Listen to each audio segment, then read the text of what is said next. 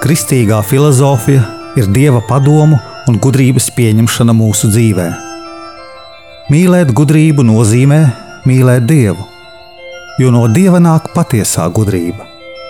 Raidījums Kristīgā filozofija.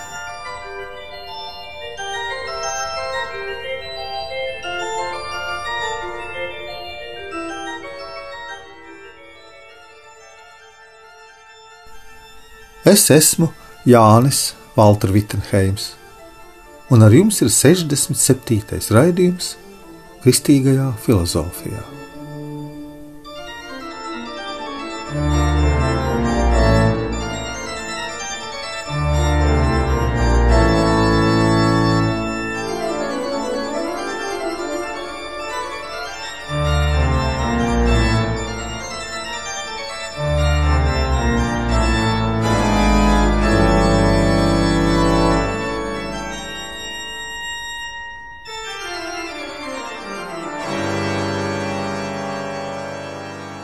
Filozofija ir gudrības mīlestība, pamats mūsu garīgumam.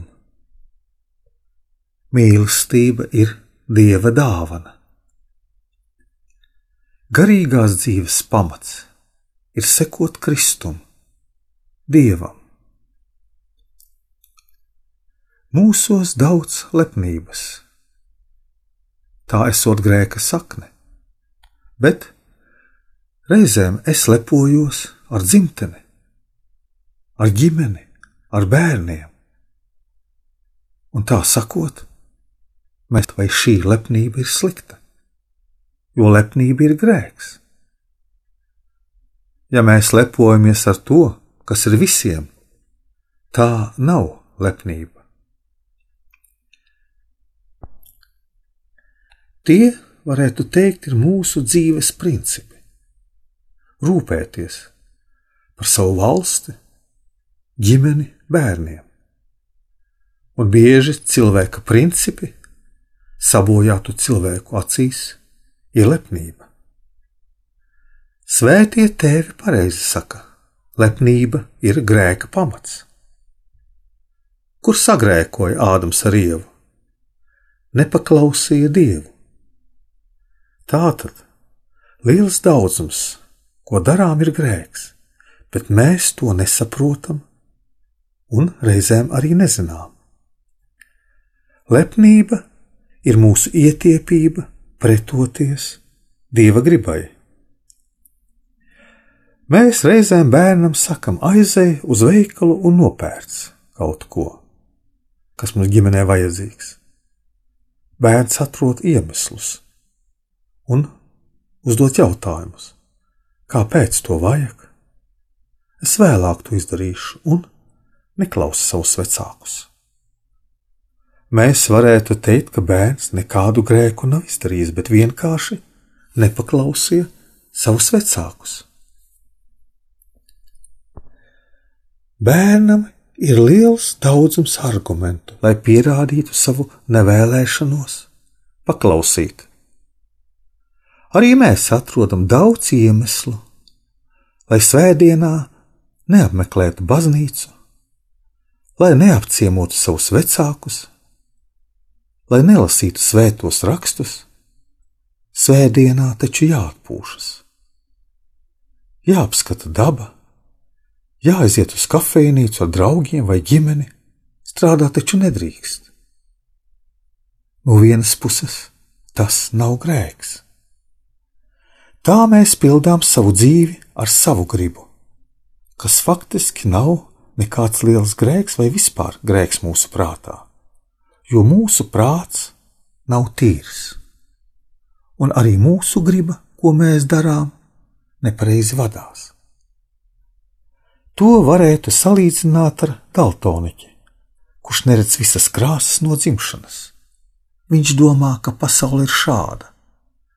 Tādēļ Katram cilvēkam ir vajadzīga patiesības mīlestība, filozofija, gudrības mīlestība.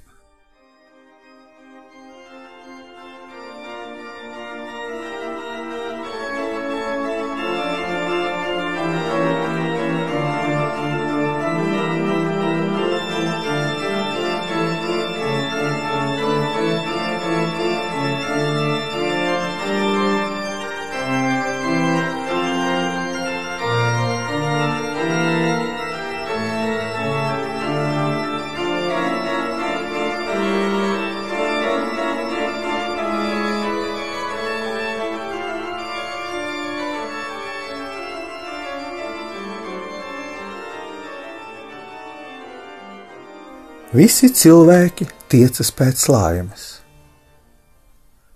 Visi cilvēki tiecas pēc gudrības. Cilvēki mācās skolās, augstskolās, iegūst dzīves gudrību, iegūst pieredzes gudrību, jo gudrības tikums mums palīdz pazīt īsto labumu. Tas parāda pareizu ceļu un ļauj atrast pareizus līdzekļus labu mērķu sasniegšanai. Gudrība norāda attiecīgu laiku un vietu, lai mēs varētu pareizi rīkoties. Gudrība kļūst par pārdabisku likumu, kad mēs, vadoties no ticības gaismas, no svētā gara darbības mūsos, ar žēlastību palīdzību cenšamies tuvoties pārdabiskajam labumam. Gudrība nāk no domāšanas, no pārdomāšanas. Gudrs cilvēks vispirms domā, lūdzas un tikai tad rīkojas. Gudrs cilvēks ņem vērā pagātnes piedzīvojumus, pieredzi, laicīgi paredz šķēršļus un šaubu gadījumos griežas pēc padoma pie kāda vairāk pieredzējuša cilvēka, garīgā vai laicīgā dzīvē. Tādēļ, ejot pa gudrības ceļu, mums vajadzīgas zināšanas. Zināšanas, kas nepieciešamas mūsu profesijā, zināšanas, kas nepieciešamas mūsu dzīvē, zināšanas, kas nepieciešamas filozofijā. Ja cilvēks atzīst kaut ko kā dieva gribu, tad viņš nepiegriež vērtību savām jūtām tik daudz, vai viņam tas patīk vai nepatīk, bet sāk izpildīt savu nodomu, jo viņš zina, ka dieva griba ir pareiza, nekļūdīga un pareizi viņu ved pa viņa šauro ceļu. Gudrība ir ļoti svarīgs tikums, jo tā māca mūs pareizi lietot mūsu prātu. Pareizi prātot.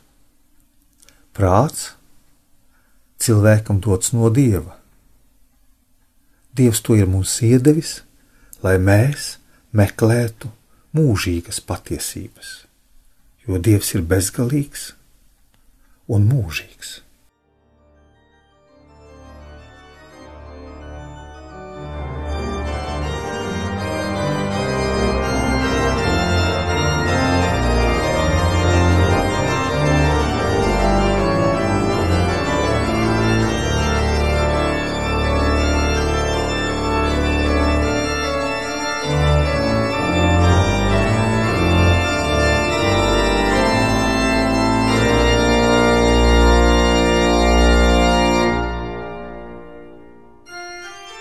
Cilvēkam ir svarīgi ne tikai meklēt ceļu uz gudrību, bet arī pareizi domāt par gudrību.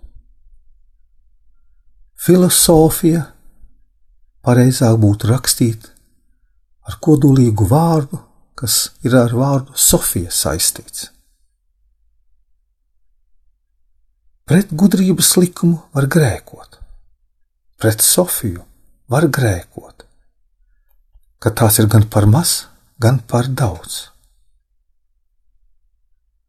Par maz gudrības, jeb gudrības trūkums ir tam, kas ir pārgalvīgs, neapdomīgs, nevēlas sekot gudrāku un pieredzējušāku cilvēku padomam. Ir nolaidīgs sava ceļa izvēlē, un savas pestīšanas līdzekļu izvēlē un izmantošanā. Varbūt arī par daudz gudrības. Tas ir tam, kas lieto viltību un vairāk rūpējas par nevērtīgām pasaules lietām, nekā par dvēseles, mūžīgās dvēseles atbrīvošanu no ļaunā, par dvēseles pestīšanu. Pārmērīgi un nemierīgi rūpējas par savu nākotni, kā viņš dzīvos šajā pasaulē. Īstā filozofiskā gudrība pastāv Kristus padoma pildīšanā, kas rakstīts Mateja evaņģēlijā 6, 33. Meklējiet vispirms Dieva valstību un Viņa taisnību, un viss tas tiks jums dots klāt. Cilvēkam, dzīvojot materiālajā pasaulē, ir viegli domāt par lietām, it sevišķi tām, kas viņam ir blakām. Tā ir arī viņa gudrība. Mēs vērtējam, kādus traukus mūs pirkt, kādas mēbeles, kādas drēbes, kādu mašīnu un māju. Tā ir mūsu ikdienišķā gudrība, kuru mēs pārliecināmies, vai šīs drēbes labas, vai šie trauki labi, vai šī mašīna laba, vai māja būs laba, kādu uzcelsim. Ir daudz sarežģītāk domāt par garīgo pasauli, domāt par domāšanu. jo domāt par domāšanu nozīmē iedziļināties savā garīgajā pasaulē, savā garīgumā, savā dvēselē un savās domās. Tam bieži vien vajadzīgs ilgs laiks un liela pacietība.